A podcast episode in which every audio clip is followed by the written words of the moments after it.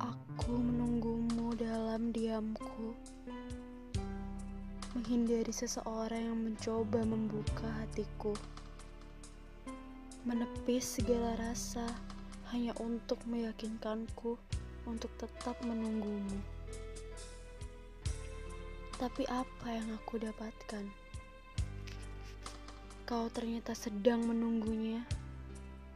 Kau ternyata selalu mendoakannya. Kau ternyata selalu memperhatikannya. Dan kau selalu memikirkannya. Apa yang harus aku harapkan padamu?